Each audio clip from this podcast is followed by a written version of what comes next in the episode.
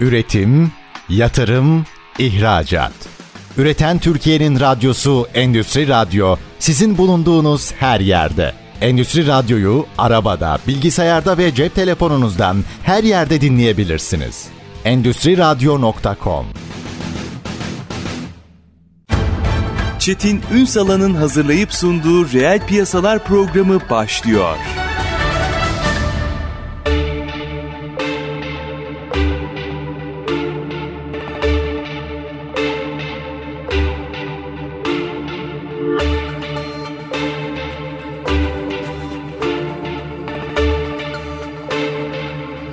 Reel piyasalardan merhabalar. Türkiye'nin gerçek gündeminde birlikteyiz efendim. Bugün kış öncesi hazırda kapıdan bakmışken biraz doğalgaz cihazları pazarını konuşacağız. Hem yurt içinde hem de ihracat boyutlarıyla aslında biraz fotoğraf çekeceğiz. Kıymetli bir konumuz var bugün. DOSİDER, Doğalgaz Cihazları Sanayicileri ve İş Adamları Derneği Başkanı Ekrem Erkut. Bugün reel piyasaların konu. Sayın Erkut günaydınlar. Yayınımıza hoş geldiniz efendim. Çetin Bey iyi günler, günaydınlar. Var olunuz, çok çok teşekkür ediyorum. Üstadım aslında konuşacak çok şey var. Sizin e, özellikle vurgularınız var sürdürülebilirlikle ilgili. Bunların hepsini konuşacağım ama ilk önce biraz sıcak gündemden başlayalım mı? Hazırda piyasaya ufak ufak herkesin aklına kombiler vesaire cihazlar gelmişken. Bir kere şunu merak ederim. Birincisi piyasada ne yaşanıyor?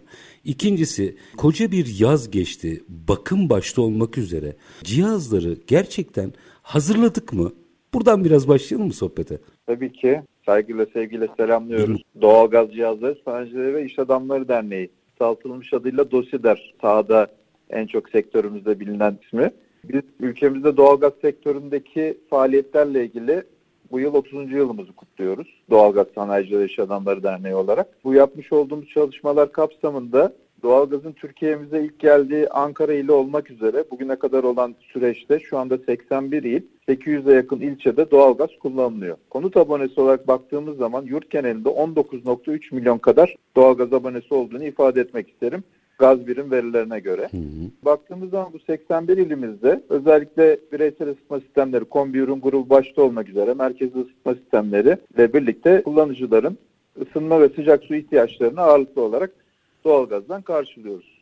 Bu 7 coğrafi bölgemizde bizim 2023 yılında toplamda 56 milyar metreküp doğalgaz tüketti, tüketimi hedefliyoruz. Geçen yıl 53 milyar metreküp seviyesindeydi. Bunun yaklaşık 12,5-13 milyarı evlerimizde, konutlarımızda, ticari binalarda tükettiğimiz doğalgaz olarak ifade edebilirim. Bizim bu çalışmalar içerisinde Türkiye'de 10 milyona yakın kombi kullanıcısı olduğu hesap ediliyor baktığımız zaman. Tabii kombi bireysel ısıtmada Türkiye'deki yaşam alışkanlıkları içinde oldukça 30 yıllık süreçte tutunmuş durumda. Hı hı. Belirttiğiniz gibi koca bir yaz geçti. Bunun gibi 30 yıl boyunca yazlar geçti. Önümüzdeki dönemde de devam edecek. Gazlı cihazlar nasıl ki bir otomobilin bakımıyla ilgili kullanıcılar gayet özenli ve ellerinden gelen dikkati göstererek periyodik bakım ve benzer uygulamalar yapıyorlarsa gazlı cihazlarında benzeri durumlarda yanıcı paneller olduğu için içerisinde doğalgazla çalışan sistemler olduğu için yıllık bakımlarının periyodik olarak düzenli şekilde yaptırılmasını tavsiye ediyoruz. Ne kadar bu karşılık buluyor derseniz sayısal bir veri tam verememekle birlikte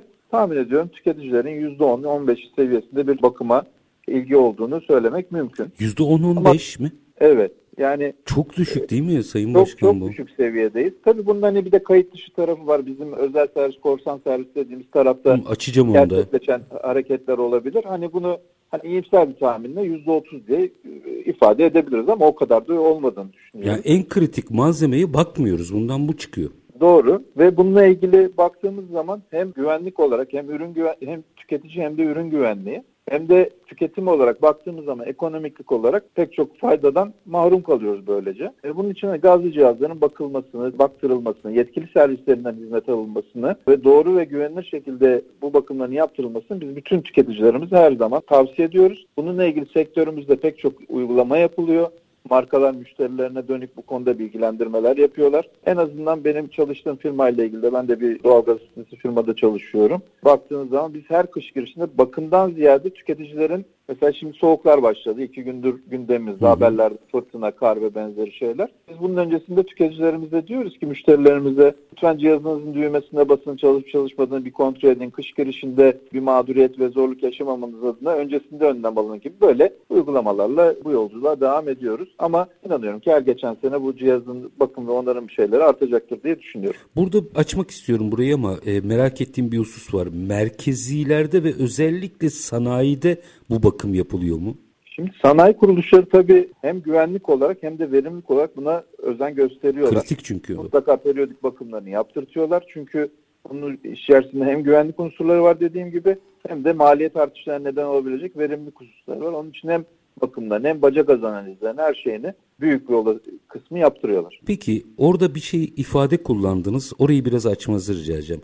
Bakımın daha doğrusu bakımsızlığın riske ve verimliliğe etkisini biraz açabilir misiniz bize? Tabii ki. Şöyle söyleyeyim. Yanıcı doğalgazlı cihazlarda kirlilikler özellikle bizim ısıyı aktaran organlar dediğimiz eşanjörler var cihazların içinde. Bunun üzerindeki kirlilikler sizin e, harcamış olduğunuz enerjinin ısıtma suyuna geç, geçişini engelliyor. Onun için de biz buraların düzenli şekilde periyodik bakımlarda temizliğini yapıyoruz ki daha verimli şekilde kullanılsın. Bugün bir yoğuşmalı cihazın dediğimiz cihaz türleri var artık. 2018'den beri Türkiye'de kombi ürün grubunda yoğuşmalı cihazlar satılıyor. Eve montajları yapılıyor sahada. Devletin bu konuda bir yönetmeliği yayınlandı. Bunun da amacı konvansiyonel cihazlara göre, kombilere göre %10 ile 20-25 arasında e, çeşitli şeye göre verimliliğin daha yüksek olduğunu ifade ediyoruz. Yani bu verimliliği de devam ettirebilmek için bu yanıcı panel ve benzeri alanlarında temizliği önem arz ediyor. Ve bunun dışında kombi tek başına çalışan bir cihaz değil. Evimizde radyatör ya da yerden ısıtma sistemine bağlı bir su girişi var. Şebeke suyu giriyor, kullanım suyumuzu ısıtıyoruz ve banyo ve ıslak hacimlerimizde kullanıyoruz. Gaz girişi var ve elektrik enerjisi girişi var ki cihazın çalışması için. İşte bu su tarafında da baktığınız zaman bu bakımlar esnasında filtre ve benzeri şeyler de temizlendiği için içerideki bizim konfor sıcaklığımızı artıracak pek çok unsur oluşuyor. Ve her şeyin başında tabii ki izolasyon geliyor. Yaşam alanlarımızın, binalarımızın kaliteli izolasyon halinde olması, izolasyonun artması da buradaki verimliliği ve tasarrufu sonuna kadar arttırıyor. Tüketicilerin bütçesine çok olumlu katkı sağlıyor. Sizin geçmiş dönemde de izolasyon sektörünün değerli temsilcilerinden pek çok bu konuda bilgiler almıştık. Doğru. Müthişsiniz. Yine atıfta bulundunuz sözlerinizin arasında. Ben de onu konuşmak istiyordum. Bu haksız rekabet meselesi. Özellikle bakımlarda diyorsunuz ki yüzde 10 15 bunlarla 20-25 neredeyse kayıtlılar kadar bir veya şöyle diyeyim sertifikalılar ya da yetkililer kadar yetkisizler de var anladığım kadarıyla piyasada. Bu meseleyi biraz açar mısınız bize? Evet tabii ki. Bizim iş kolumuz ve beyaz eşya iş kolu ve pek çok sanayi mallarıyla ilgili baktığınız zaman yetkisiz servisler, özel servisler bunun kaydı kuydu bağlı olmayan çalışanlarını da biz korsan servis olarak adlandırıyoruz. Tabii ki doğru çalışan, gerekli sertifikaları sağlamış, ekipmanlarla çalışan firmaların değerlendirmesini farklı yapmak gerekir ama hı hı. maalesef ki iş kolumuzda hani çantacı diye tabir edilen, teknik özelliklere hakim olmayan,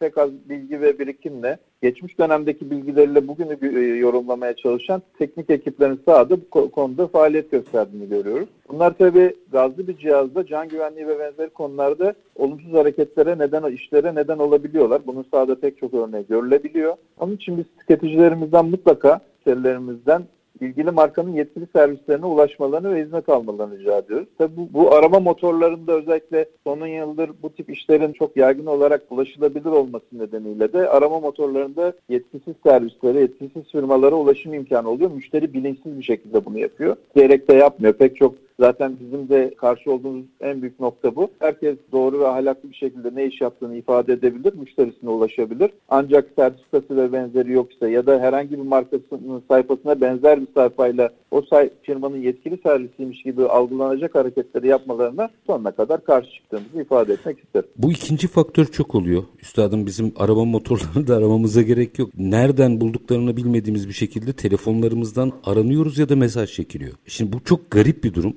Yani hatta şöyle diyeyim ben merkezi sistem olan bir yerde oturuyorum. Bana evet. yıllardır kombi bakımı için teklif gelir. Bu çok garip bir durum değil mi? Yani bir türlü çözülemiyor bu mesele. Maalesef bununla ilgili sağdan da biz de kendi müşterilerimizden de benzer geri bildirimler alıyoruz. Bir şekilde bu KVKK ve benzeri olmasına karşın bazı yapılardan bu bilgilerin bir şekilde çıktığı yönünde bir tespitimiz var. Bunu da hukuki olarak sonuna kadar da takip ediyoruz Çetin Bey. Kritik bir nokta çünkü burada gerçekten bu işe yatırım yapan ehil olan servislerinde veya firmalarında diyelim aslında bir haksız rekabette karşı karşıya kaldı. Kesinlikle, yani kesinlikle. geçtim biz tüketici olarak mağduriyetimizi günün sonunda aslında belli başlı şeylerin altına taşın altına elini koymuş firmalar için de haksız rekabet unsuru bu. Çok haklısınız. Şöyle tespitlerimiz var sahada. Bununla ilgili müşterilerin şikayetlerini ilettikleri pek çok web sayfaları var biliyorsunuz. Hı hı. Bunların bazıları böyle marka haline geldi ve buralarda tüketicilerimiz e, pek bütün iş kollarında şikayetlerini iletebiliyorlar. Buralara bile baktığınız zaman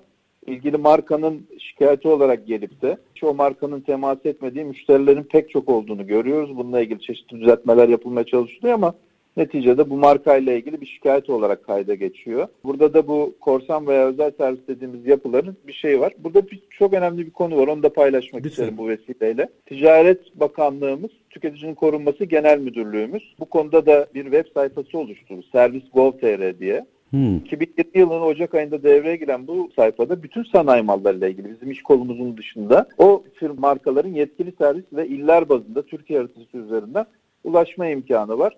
Tüketicilerimiz pek çok zor bunu hatırlamaları ama özellikle biz e, pek çok geri bildirimimizde Servis Gov.tr'deki yetkili servislerin ulaşılabilirliğini dediğim gibi bütün iş kollarında arabadan mobilyaya, endüstriyel işlerdeki sanayi mallarıyla ilgili pek çok şeye bu yetkili servislere bu sayfadan kolaylıkla ulaşılabilir. Bence müthiş bir çözüm bu. Yani herkes Servis Gov.tr Ticaret Bakanlığı'nın olduğu için rahat rahat söyleyeyim. Servis Evet. Gov.tr'den bakıp neyse o konuyla ilgili alacağı hizmet buradaki listelemeden e, çek edebilir anladığım kadarıyla. Kesinlikle bu çok kıymetli bir web sayfası. Biz de bunu dernek olarak sonuna kadar destekliyoruz. Bununla ilgili bütün yayınlarımızı sayfanın ulaşılabilir olması için gayret gösteriyoruz. Yüreğinize sağlık. Şimdi minik bir araya gideceğim. Aranın ardından biraz da işin proje malzeme ve işçilik standartizasyonunu konuşmak istiyorum. Çünkü DOSİDER'in kuruluş defterinde de aslında bunu temin etmek var. Orada fotoğraf ne? Biraz orayı da açacağız ama minik bir araya gidelim müsaade edin. Aranın Evet. ardından devam edelim.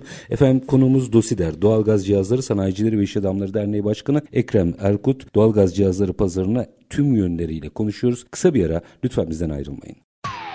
Üretim, yatırım, ihracat. Üreten Türkiye'nin radyosu Endüstri Radyo sizin bulunduğunuz her yerde. Endüstri Radyo'yu arabada, bilgisayarda ve cep telefonunuzdan her yerde dinleyebilirsiniz. Endüstri Radyo.com Kısa bir aranın ardından reel piyasalarda birlikteliğimiz devam ediyor efendim. Doğalgaz cihazları pazarına bakıyoruz. Konuğumuz DOSİDER, Doğalgaz Cihazları Sanayicileri ve İş Adamları Derneği Başkanı Ekrem Erkut. Şimdi Sayın Erkut, yine aslında DOSİDER'in kuruluş amaçlarından da biri e, ama anladığım kadarıyla bugünün de ve yarının da belki de en kritik ana eksenlerinden birini oluşturacak bir üçgen var. Proje malzeme ve işçilik standartizasyonu. Bu amaçla yola çıkmış bir dernek aradan 30 yıl geçtikten sonra aynı sorunları konuşuyor mu? Evet Çetin Bey doğalgaz sektörü iş kolu Türkiye'de en disiplinli ve en doğru sektörlerden bir tanesi olduğunu ifade etmek isterim. Biz gaz yakıcı cihazlar tarafındaki standart ve üretimlerimiz bütün Avrupa Birliği ve yurt standartlarının tamamına göre yapılmakta ve doğalgaz yakan cihazların hepsi sertifikalı cihazlar. Yani Hı hı. cihaz tarafı garanti altına alınmış. Sorun yok orada. Onun dışında tesisat ekipmanları tarafımız var. Yani bu cihazların dediğim gibi üretmiş oldukları enerjiyi, sıcaklığı, suyu diğer tarafa kullanım alanlarına aktaran yerler var. Burada ufak tefek sorunlarımız olmakla birlikte burada da belli başlı standartlar sağlanmış durumda. Doğalgazın şebekeden evimize ya da kullanım yerimize girinceye kadar olan tarafında da gaz dağıtım şirketlerimiz ki Türkiye'de 72 tane lisans bölgesinde doğalgaz dağıtım şirketlerimiz çalışmalarını yapıyorlar. Bunların da proje ve hizmetlerle ilgili tarafları hem standart olarak hem uygulama projeleri olarak garanti altına alınmış durumda. Onun için hani diğer sektörlerden pozitif ayrıştığımızı ifade edebilirim. Disiplinimiz oldukça iyi. Hı hı. Sonrasında işletme tarafında da özellikle doğalgaz sistemlerine yetkili firmaların müsaade olmadıkça müdahale edilmesi, tüketici tarafından ellenmesi yasaktır. Yani herhangi bir yetkisiz bir firmanın ya da kişinin bir doğalgaz kombisi ya da doğalgaz kazanı ya da doğalgaz sayacı tesisatı neyse bunun yerini değiştirmesi, izin almadan değiştirmesi, proje tadilatı yaptırmadan değiştirmesi maalesef yasaktır. Maalesef demiyorum yasaktır. Ama maalesef ki sahada zaman zaman yetkisiz kişilerin tesisatlara müdahale ettiğini, cihaz yerlerini değiştirdiğini, ev içi tadilatlarda yetkisiz proje dışında uygulamaların yapıldığını görüyoruz ki bu da en son İstanbul, Ankara'da yaşanan, geçtiğimiz ay yaşanan ölümlü kazalar olmuştu maalesef. Evet evet Burada çok bak- tehlikeli bir şey bu. Evet buralara baktığımız zaman da e, bir tanesinde kullanıcının ve bir tanesinde de e, proje dışı hizmet verilmesinin olumsuz etkisini yaşandığımızı ifade etmek isterim. Özellikle doğalgazda yaşayan insanlarımızın, vatandaşlarımızın bunu kurallarına uygun ve etkisiz kişilere işlem yaptırmamasını özellikle tavsiye ederim. Nitelikli insan meselesini yani şöyle diyeyim ben. e, Almanya'nın biliyorsunuz hani bir göçmen yasası ile ilgili bir düzenlemesi oldu. Burada evet. aradığı gerek su, gerekse yani gerek ısı, gerek su tesisat meselesiyle ilgili nitelikli personele direkt çağrıda yaptığı Doğru. biliniyor. Şimdi bu açıdan baktığımızda bizde nitelikli personel açığı veya fazlası durum ne? Ve dolayısıyla olarak biz meslek eğitim tarafında oldukça yoğun faaliyetlerde bulunuyoruz. Özellikle Endüstri Meslek Lisesi eski adı şimdi Mesleki Teknik ve Anadolu liselerinde iklimlendirme tesisat bölümlerindeki ilginin artması, evlatlarımızın bu mesleğe devam etmelerinin e, özendirilmesi amacıyla pek çok eğitim materyali ve dokümanlarla onları desteklemeye başladı. Öğretmenler tabii bu teknik öğretmenler bu konuda yol gösterici oluyor. Onların da donanımın artması için pek çok faaliyette bulunuyoruz. Milli Eğitim Bakanlığı ile protokol ve benzeri. Bu belirttiğiniz soru pek çok üretime dayalı mavi yakalı, beyaz yakalı iş kolları için sorun olduğu gibi doğalgazlı cihazlar sektörünün tesisat tarafıyla da oldukça sorun olduğunu söylemek gerekebilir. Ben size şöyle birkaç rakam vereyim. Lütfen. Ee, bizim üyelerimizin, sektörümüzün doğalgaz ve sığ bu tip cihazların satış noktasında yaklaşık 10 bin tane satış noktası var yurt genelinde. Bunun için 30 bin üzerinde doğal gaz ustası ve tesisat montör ekip dediğimiz ekip arkadaşlarımız var. Organizasyonların, markaların 3 bine yakın yetkili servisi var. Bu adetlere baktığınız zaman burada çalışan yapısında ihtiyacında mutlaka bizim de yaşadığımız zorluklar var. Bununla ilgili de dediğim gibi biz hem kendi öz kaynaklarımızda hem kendi organizasyonlarımız içerisinde hem de meslek okullarında, üniversitelerin ilgili bölümlerinde yoğun şekilde faaliyette bulunuyoruz. Ama zorluklarımızın olduğunu artık ifade edebilirim. Yaklaşık 50-60 bin kişiye ulaşan bir ekosistem bizim sistemimiz. Çocuklar yapmak istiyorlar mı? Çocuklar yapmak istiyorlar mı? Güzel soru. Çocuklar çok fazla yapmak istemiyorlar. Özellikle tesisat teknolojisi bölümlerinin mesleğe devamlılığı iyimser tahminle %20 seviyesinde meslek okullarından çıkışta. Hmm. İşte bunun da biraz teknolojiyle onların da günümüz ihtiyaçlarını karşılayacak şekilde bir meslek haline geldiğini, eskisi gibi tesisat, kırım ve benzeri işler olmadığını, çok modern ekipmanlar, bilgisayarlı sistemlerle artık bu işlerin yapıldığını işte biz de onları okullarımıza anlatıp çocuklarımızın bu konudaki yaklaşımlarını olumlu hale getirmeye çalışıyoruz. Birçok sektörde teknoloji işin içine girdi işte yapay zekalar, dijitalleşme vesaire. Sizin burada hani çocuklardan da bahsetmişken o fotoğraf nasıl? Bizde uzaktan erişimle ekipmanların kontrolü, enerji verimliliği konusunda ısıtma sistemleri başta olmak üzere bunlar önemli tüketim noktaları. Bunların verimli halde kullanılması için ölçebilirsek yönetebiliriz mantığıyla yaklaştığımız zaman biz burada otomasyon ve benzeri konuları bir kere kumanda sistemlerimizin içine koymuş durumdayız. Bireysel kullanıcılar tarafında uzaktan kumanda yani internet üzerinden kumanda sistemleriyle tüketiciler evlerine gitmeden cihazlarını açma, kapama, sıcaklığı değiştirme gibi husus imkanlara sahipler. Bununla birlikte oda bazında termostatik vanaların Wi-Fi üzerinden kumandasıyla gene e, pek çok kumanda sistemleri geliştirilmiş durumda. Akıllı ev sistemlerine entegre olan tipte cihazlar bunlar. Yani bağlantılarla, termostat bağlantılarıyla.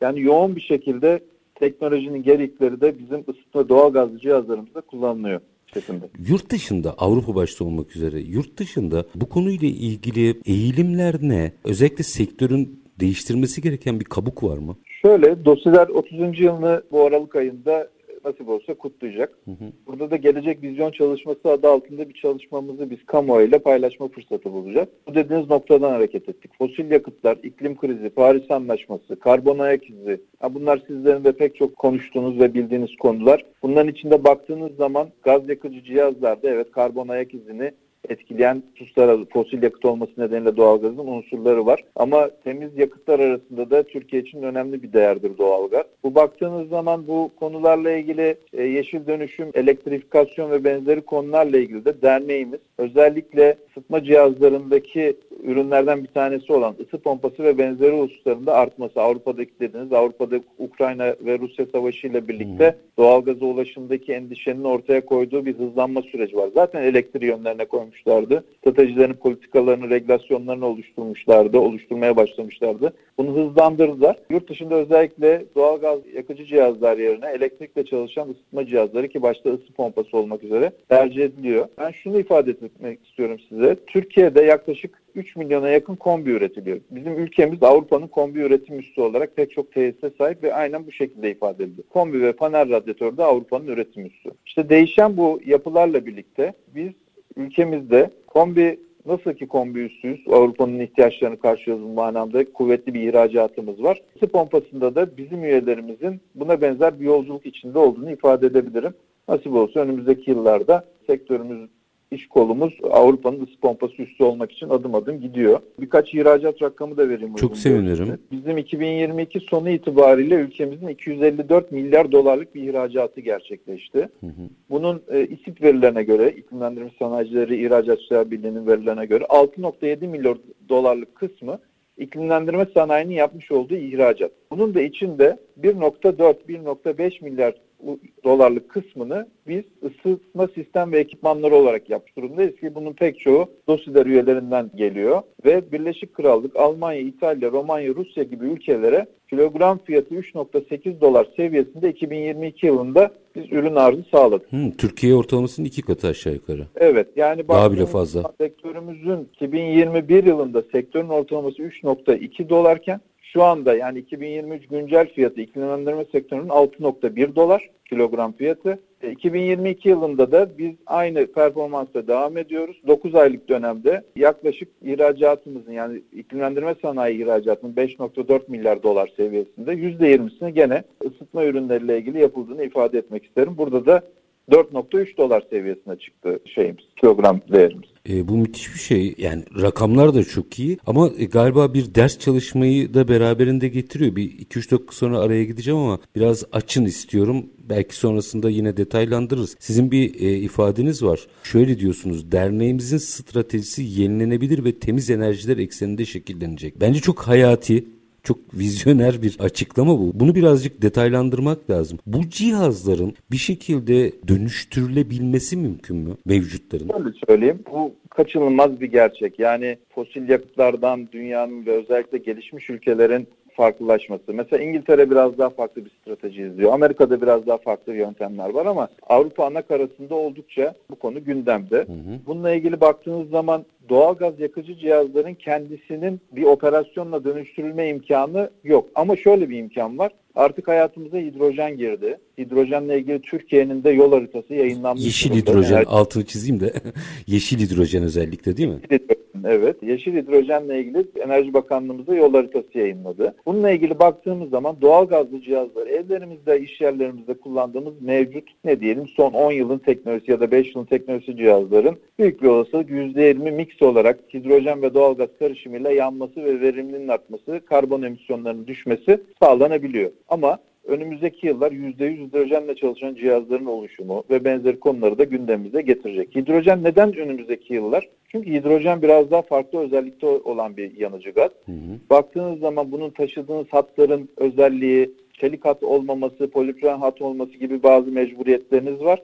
Bunlar da zaman içinde bu zincir halkaları bağlandıkça hidrojenin de daha çok hayatımıza girdiğini ifade edebilir. Şeyde elektrik tarafında tabii yenilenebilir çok ön plana çıkıyor ama gaz daha bir süre daha hayatımızda duracak mı? Çünkü bu Avrupa'da da çok tartışıldı biliyorsunuz. Doğal gazı en son temiz yakıtlardan saydılar. Var mı yok mu bu çok tartışıldı. Ama galiba hani ucundan doğalgazı da içeri aldılar. Bu daha hayatımızda olacak mı? Doğalgaz daha hayatımızda olacak. Özellikle ülkemiz politikaları içerisinde giriş kısmında ifade ettiğim gibi 81 ile yaygınlaştırmış durumdayız. Hı hı. Ve son 10 yıldır altyapının belki %50'ye yakın kısmı yapılmış durumda. Çok çabuk terk edebileceğimiz bir alan durmuyor. Avrupa'da da keza öyle hemen hani o ilk şeyi en, e, korkuyu atlattılar. İlk bir yıl içinde doğalgaza ulaşamama ve benzeri konular. Onun için buradaki hızlı biraz daha yavaşladığını ifade edebilirim. Bizim de yurt dışından aldığımız bilgilerde bu ısı pompası dönüşümleri ve benzeri konularda biraz daha tüketicilerin o ilk heyecanının olmadığı ve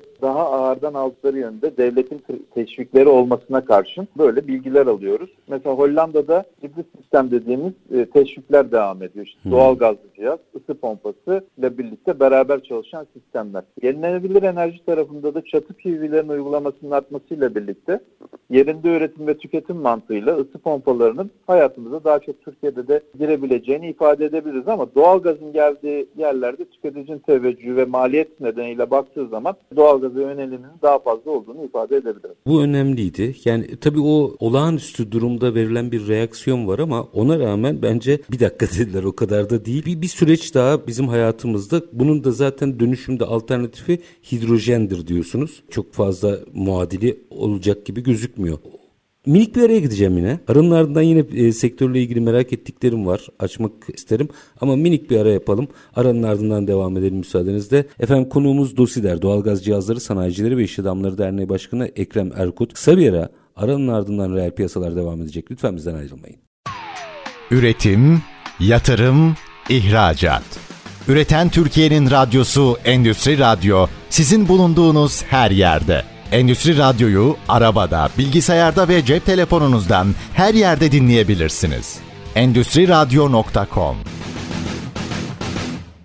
Sabiranın ardından reel piyasalarda tekrar sizlerle birlikteyiz efendim. Doğalgaz cihazları pazarını mercek altına alıyoruz. Konuğumuz Dosider Doğalgaz Cihazları Sanayicileri ve İş Adamları Derneği Başkanı Ekrem Erkut. Şimdi Sayın Erkut aslında araya gitmeden önce böyle o vizyonu ortaya koyarken ısı pompalarını şöyle bir zikrettiniz. Fakat orayı biraz açmanızı rica ederim. Çünkü birincisi sektörde galiba 13 ayrı ARGE merkezi var. Muhtemelen farklı farklı firmalarda olmakla birlikte bunlar çalışıyorlar. Bir verdiğiniz röportajda enerji verimliliğinin en kritik noktalardan biri olduğunu ve mesela ısı pompalarının da en önemli özelliğinin yüksek verimlilik olduğunu ifade ediyorsunuz. İşin bu boyutunu biraz açar mısınız bize? Tabii ki. Bir tane üyemiz var Doktor'ın belirttiğim gibi. Bunların yerli ve global oyuncular var üyelerimiz içerisinde. E, yurt dışındaki bilgi birikimine biz bu hem üyelerimiz vasıtasıyla hem de derneğimizin üyesi olduğu Avrupa Isıtma Enstitüsü var. EHI diye bir kurum. Bunun vasıtasıyla pek çok regülasyonun, uygulamanın takibini sağlama imkanımız oluyor. Katkı sağlama imkanımız oluyor. Ülkemiz Avrupa Birliği üyesi olmaması nedeniyle bizim faaliyetlerimizi onlar yakından izliyorlar üye olmamamıza karşın ve bununla ilgili çeşitli bilgiler paylaşıyorlar. Bizler de onlarla paylaşıyoruz. 13 tane ARGE merkezimiz var dediğiniz gibi üyelerimizin. Bunlar hem gazlı cihazlarla ilgili hem de ısıtma cihazları, genel ısıtma cihazlarıyla ilgili pek çok faaliyetlerde bulunuyorlar. Ülkemizde ısı pompası üretimi başlamış durumda. Bununla ilgili bizim üyemiz olan veya olmayan bazı firmaların özellikle fabrika ve tesisleri devreye girmiş durumda. Önümüzdeki sene bu konudaki gelişmelerin daha fazla olacağını ifade edebiliriz. Bu pompası buyurun efendim. Estağfurullah bu dünyadaki özellikle hani trend raporlarda da e, çok fazla öne çıkacağı söylenen başlıklardan biri. Doğru. Özellikle Avrupa'daki tüketicilerin 8 ile 15 kW arasındaki bireysel ısı pompalarını hava kaynaklı diyoruz biz ona. Bildiğiniz klima cihazının benzeri bir bu da bir cihazdır. Teveccühünün ilgisinin arttığını görüyoruz. Bununla ilgili baktığımız zaman pek çok yurt dışı firmasının yoğun bir şekilde bunu yetiştirmek adına faaliyetlerde bulunuyor. Isı pompası dediğimiz zaman biz bir birim enerji verip yaklaşık 3,5-4 birim enerjinin alındığı bir sistemden bahsediyoruz. Yüksek verimli bir sistem. Bu nedenle de doğalgazın yerini Avrupa Birliği ülkelerinde yavaş yavaş almaya başladı. Örneğin İngiltere'deki ısı pompası pazarının 600 bin adet civarında olacağı öngörülüyor hmm. önümüzdeki günlerde. Almanya'da keza öyle ve dediğim gibi bütün Avrupa Birliği ülkelerinde bu konuda tüketicilerin, kullanıcıların desteklenmesi ve krediyle bu konuda onlara önlerini açacak pek çok faaliyet yürütüldüğünü ifade etmek isterim. E, biz iyi bir oyuncuyuz burada. Isı pompası tarafında hamle yapabilecek miyiz yine? İstediğimiz yani oranda. Kombi üssü olduğumuz gibi ısı pompasında üstüne olacağımız e, benim hani sektördeki birikimlerim ve gözlemlerim önümüzdeki yıllarda bize bu işaretleri veriyor.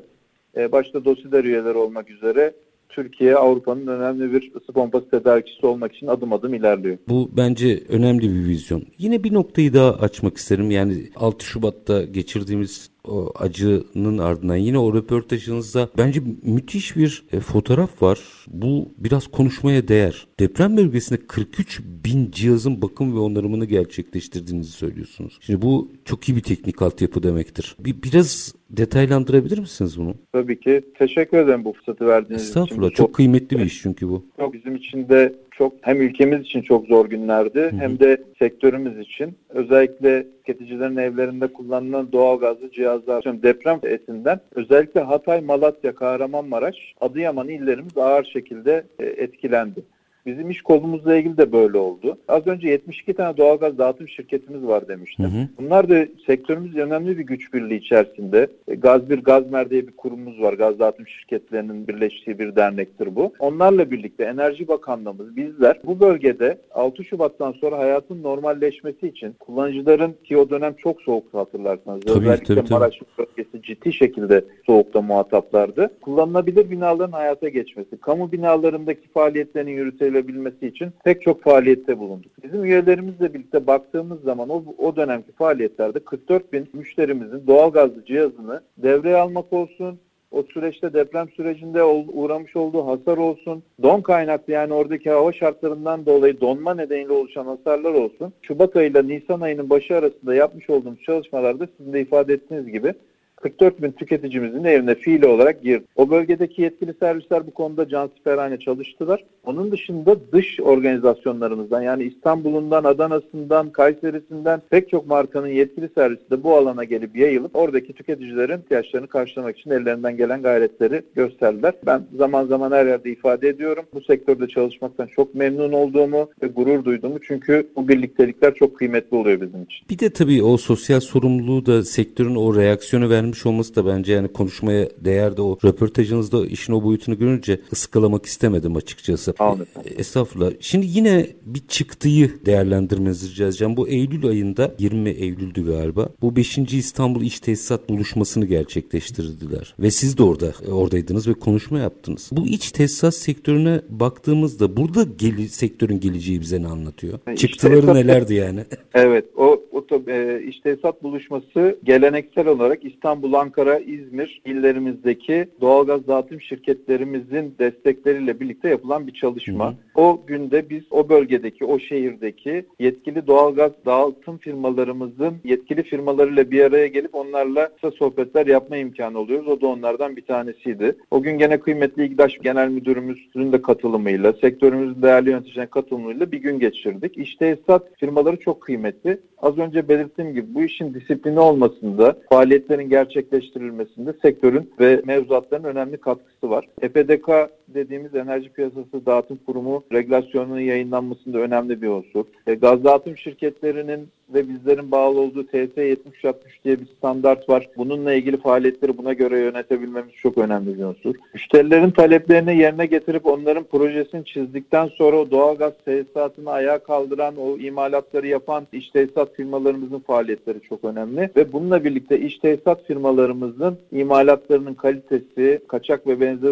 hususların olmaması da onların kabiliyet ve becerileriyle gerçekleşiyor. İşte bu iş tesisat buluşmalarında ya da buna benzer ortamlarda ya da eğitimlerde biz firmaların bu konudaki bilgi birikimlerini arttırmak için elimizden geleni yapıyoruz. Anladığım kadarıyla o eğitimlerde devam edecek. Yine başladığımız yere biraz piyasa ile ilgili bir şey sormak istiyorum. Çünkü evet. cihazlar iyi olabilir. Orada verilen servis iyi olabilir. Performanslar iyi olabilir. Olmazsa zaten onun bakımı gerekir vesaire. Fakat hani bütün fotoğrafı doğru kurguladığınızı düşünün. Bir handikap var ve orayı sizin değerlendirmenizin kıymetli olacağını düşünüyorum ben. Evlerin yalıtımsızlığı. Yani evet. siz dünyanın en güzel işini yapabilirsiniz ama sokağa ısıttığımız bir Türkiye'deyiz biz %70 oranında. Şimdi tabii burada derdi anlatabiliyor musunuz? Yani şöyle biz lokal olarak baktığımız zaman mesela bu bize nasıl yansıyor markalarımıza gaz yakan cihazlar olarak her şey bitmiş. İşte tüketici bir kış sezonuna giriyor. Bir doğalgaz faturası ulaşıyor kendisine. O doğalgaz faturasını kontrol ettiği zaman kimi tüketicilerimiz günün çok az saatinde cihaz yakarak, kimi tüketicilerimiz 24 saat esaslı evlerini ısıtarak bir konfor e, oluşturmaya çalışıyorlar. Burada tabii birincisi enerji verimli için bu tasarrufun sağlanması ve sizin de belirttiğiniz gibi e, dış ortamı ısıtmaktansa mahalledeki ısıyı sağlamak çok kıymetli. Bunun için de birinci şey evlerimizdeki, bina yapılarımızdaki, bina kabuklarımızdaki izolasyon. Bununla ilgili 2000'li yılların başında değişen yapı yönetmelikleriyle izolasyon ve benzer hususlar yönetmeliklerimize girdi. Yeterli mi? Yeterli değil. Ama son yapılan binalara baktığımız zaman ağırlıklı bu konunun çok iyi bir şekilde ele aldığını ve dikkat edildiğini görüyoruz. Özellikle eski bina stoklarımızda izolasyonsuz binalarımız çok fazla. Bunların ısı kaybı oldukça fazla. Her bir derece ortam sıcaklığının yukarıda kalması bizi sağlamak için %5 daha fazla enerji yakıyoruz. Yani 100 liralık bir doğalgaz tüketimimiz varsa biz oda sıcaklığımızı bir derece tonajı arttırdığımızda bizim faturamızda yuvarlak hesap 5 TL'lik bir ek bütçe oluşması, bir ek yük getiriyor. Bunun için de bu izolasyon konusu çok önemli. Biz tüketicilerimize bakıyoruz. Binasında izolasyon yok. En azından diyoruz radyatörlerinizin arkasında e, pek çok nalbur ve yapı markette satılan izolasyon plakaları var bu radyatörlerin arkası için. En azından bunların kullanılmasını müşterilerimize tavsiye ediyoruz. Bir de ölçemediğimizi gene yönetemediğimizi bildiğimiz için evlerimizde termostatik vana ve oda termostatı gibi kumanda sistemleriyle gereksiz ısınmanın da önüne geçilmesi için tüketicilerimize her zaman tavsiyede ve önerilerde bulunuyoruz. O kadar kritik bir meseleden bahsediyorsunuz ki yani dünyanın en güzel işini yapabilirsiniz ama bu amiyane tabirle bir anda yediğiniz gol. Bunu anlatabiliyor musunuz tüketiciye? Yani Anlıyor çünkü... Biraz bütçeye de bağlı olduğu için maliyetlerini de etkilediği için ellerinden geleni yaptıklarını düşünüyorum o konuda ama bir bina kabuğunun izolasyon maliyeti belki binadaki apartmandaki yaşam alanındaki anlaşma ve uzlaşmaya bağlı olduğu için ama orada da ciddi bir artış özellikle bu konuda verilen krediler ve benzeri konularla sağlanan kolaylıkların olduğunu ifade edebilirim ama daha çok alınacak yolumuz var. Üstadım bir 2-3 dakikam kaldı. Bundan sonraki süreçte bu sektörle ilgili hem içeride hem dışarıda ortaya bir zaten ipuçlarını verdiniz aslında konuşmamız sırasında ama bir genel bir özet yapabilmek adına bunu soruyorum. Bir projeksiyon paylaşabilir misiniz bizde? Bütün bu süreç nereye doğru gidiyor? Sektör ne neye hazırlanıyor? sektör baktığınız zaman son 10 yılda dünya tarihinin en sıcak 8 yılını geçirdiğimizi ifade ediyor bilim adamları. Bununla birlikte sel, yangınlar, ortalama sıcaklıktaki artış ve benzeri şeylere baktığımız zaman artık bu dünyanın belli yükleri kaldıramadığını çok net şekilde görüyoruz. Ve bizim dünyadaki enerji kaynaklarımızdan, birincil enerji kaynaklarımızın yüzde sekseninde bu kadar üzerine düşülmesine karşın, bu kadar konuşulmasına karşın hala yüzde seksenini fosil yakıtlar oluşturuyor. Bizim bir buçuk derecelik sıcaklık eşiğini artmamak için çabaladığımız yerde özellikle ülkemizde Hani taraftan da baktığımız zaman zorlanan bütçeler, yaşam alışkanlıkları ve benzeri konular, ihracatımızı etkileyecek mecburiyetler ve benzeri konulara baktığımız zaman enerji kaynaklarının doğru yönetimi önem arz ediyor. Türkiye'de özellikle sanayi sektöründe baktığımız zaman sarf ettiğimiz enerjinin %25-30'u en az verimli halde tasarruf edilebilir olarak şeyde firmaların, kamunun pek çok çalışmada yer alıyor. Yani önümüzde çok iyi iyileştirme fırsatları var. Ticari ve konut alanlarındaki enerji sarfiyatının tek olduğu bir ülkede yaşıyoruz. Bununla ilgili en son Enerji Bakanlığı'nın binalar ve ticari binalardaki enerji verimliliğiyle ilgili projeleri verimlilik arttırıcı proje olarak değerlendirme imkanı sundular. Bu da önemli bir gelişmeydi. Bununla hepsine baktığımız zaman işte sizin az önce ifade ettiğiniz gibi ısı pompası gibi bir ürün grubu var ki bizim faaliyetlerimizde, sektörümüzde, iş kolumuzda önem arz edeceğini görüyoruz. Doğalgazdan hızlıca bir e, dönüşüm olmayacağı yönünde bir tespitimiz var. Hibrit sistemlerle bu geçişin devam edeceği yönde hmm. değerlendirmemiz var. Bizi Avrupa ülkelerinden ayrıştıran bir şey var. Destek mekanizmaları. Bizim ülkemizde devletimiz bu tip organizasyonlara pek az destek veriyor. Yani tüketicinin ısıtma sistemini değiştirmesi için e, sağladığı bir bugüne kadar bir destek mekanizması kullanıcı konut seviyesinde oluşmadı. Belki önümüzdeki günlerde bu konuda bu dönüşümle birlikte değerlendirmeler olabilir. Anladığım kadarıyla önü çok açık bir sektör daha. Evet, biz de 30. yılımızda işte bunları nasıl daha ileri taşırız? Yeni teknolojiler, yaygınlaşan doğalgaz kullanımı, dünyadaki krizler, yeşil mutabakat, gaz yakıcı cihazlarda hidrojen kullanımı ve benzeri konularda önümüze koyduk, yolculuğumuza devam ediyoruz. Dediğim gibi Aralık ayında da nasip olursa gelecek vizyonu ve strateji eylem planıyla da bunu kamuoyuyla paylaşmayı planlıyoruz. Ayrıca o e, plandan sonra da onu da konuşmak isterim. Onu da bir dipnot vermiş olayım. Sayın Erkut, var olunuz. Sayın Erkut çok çok teşekkür ediyorum efendim. Sağ olun. İyi günler diliyorum. Tüm dinleyicilere zaman ayırdıkları için teşekkür ederim. Size de çok teşekkür ederim. Var olunuz estağfurullah. Efendim biz bugün doğalgaz cihazları pazarını konuştuk. Kış öncesi hazır böyle birazcık herkesin aklına geliyor ama keşke yazın gelse. Sayın Erkut'un ifade ettiği o bakımlar %10 hadi kayıt dışında kattık %20'ler çok hem verimsizlik açısından hem güvenlik açısından çok sıkıntılı. Ama tabii ki bu bir süreçtir, bilinçlenme sürecidir. Biz bütün piyasayı, yaşananları, vizyonu, geleceği, yarını hepsi hepsini kimle konuştuk? DOSİDER, Doğalgaz Cihazları Sanayicileri ve İş Adamları Derneği Başkanı Ekrem Erkutlu konuğumuz. Biz her zamanki gibi bitirelim. Şartlar ne olursa olsun paranızı ticarete, üretime yatırmaktan, işinizi layıkıyla yapmaktan ama en önemlisi vatandaş olup hakkınızı aramaktan vazgeçmeyin. Hoşçakalın efendim.